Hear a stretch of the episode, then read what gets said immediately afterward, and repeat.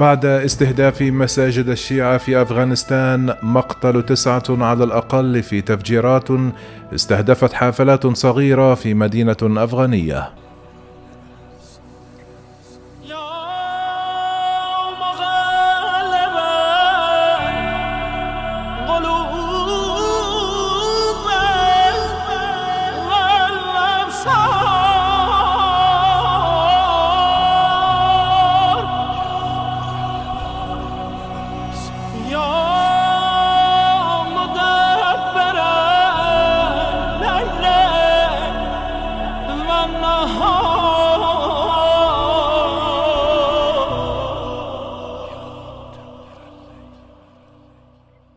قالت الشرطة الأفغانية إن انفجارين استهدفا حافلتين صغيريتين منفصلتين أسفر عن مقتل تسعة أشخاص على الأقل يوم الخميس في مزار الشريف. بعد أسبوع من انفجار مميت هز مسجدا شيعيا في المدينة الشمالية.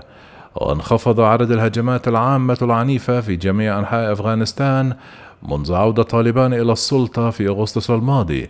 لكن جماعة داعش السنية استمرت في استهداف الشيعة الذين يعتبرونهم زنادقة.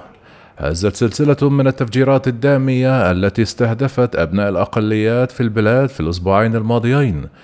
وقال المتحدث باسم شرطة بلخ آصف وزيري لوكالة فرانس بريس أن انفجارات الخميس وقعت على بعد دقائق من بعضها البعض في أنحاء مختلفة من مزار الشريف.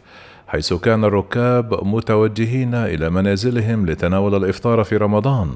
وأضاف أن الأهداف تبدو وكأنها ركاب شيعة مضيفا إلى أن ثلاثة عشر شخصا أصيبوا في الانفجارات. كما صرح بأن أعداء أفغانستان يخلقون التوتر والانقسام بين شعبنا. ولن تعلن أي جماعة مسؤوليتها عن التفجيرات حتى الآن. أظهرت صور نشرت على مواقع التواصل الاجتماعي حافلات صغيرة مشتعلة. في حين اندلعت النيران في حافلة صغيرة بينما كان مقاتلو طالبان ينقلون الضحايا من السيارات إلى المشفى. جاءت التفجيرات بعد أسبوع من هجوم بالقنابل على مسجد شيعي في مزار الشريف أسفر عن مقتل 12 مصليا على الأقل وإصابة العشرات. وأعقب هذا الانفجار في اليوم التالي هجوما منفصلا بالقنابل على مسجد آخر في مدينة قندز الشمالية استهدف الأقلية الصوفية وقتل ما لا يقل عن 36 شخصا خلال صلاة الجمعة. وفي هجوم آخر استهدف الشيعة أيضا انفجرت قنبلتان في مدرسة في كابول مما أسفر عن مقتل ستة طلاب.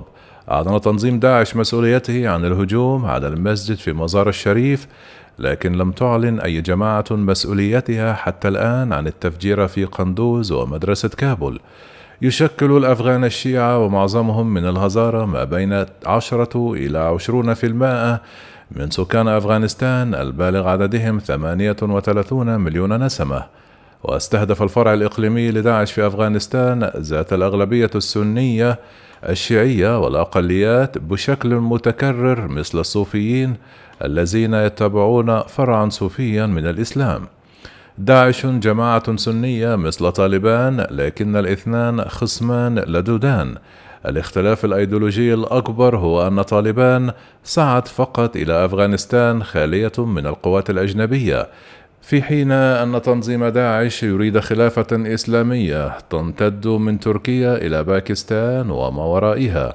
يصر مسؤول طالبان على أن قواتهم هزمت داعش لكن محللين يقولون أن الجماعة لا تزال تمثل تحديا أمنيا رئيسيا كما صرح المتحدث باسم الحكومة الأفغانية ذبيح الله مجاهد لوكالة فرانس بريس في وقت سابق الخميس أن عدة اعتقالات تمت على خلفية الهجمات الأخيرة وقال استهدفت هذه الهجمات أماكن ليس بها أمن كاف مثل المساجد والمدارس لكننا الآن عززنا الأمن في هذه الأماكن.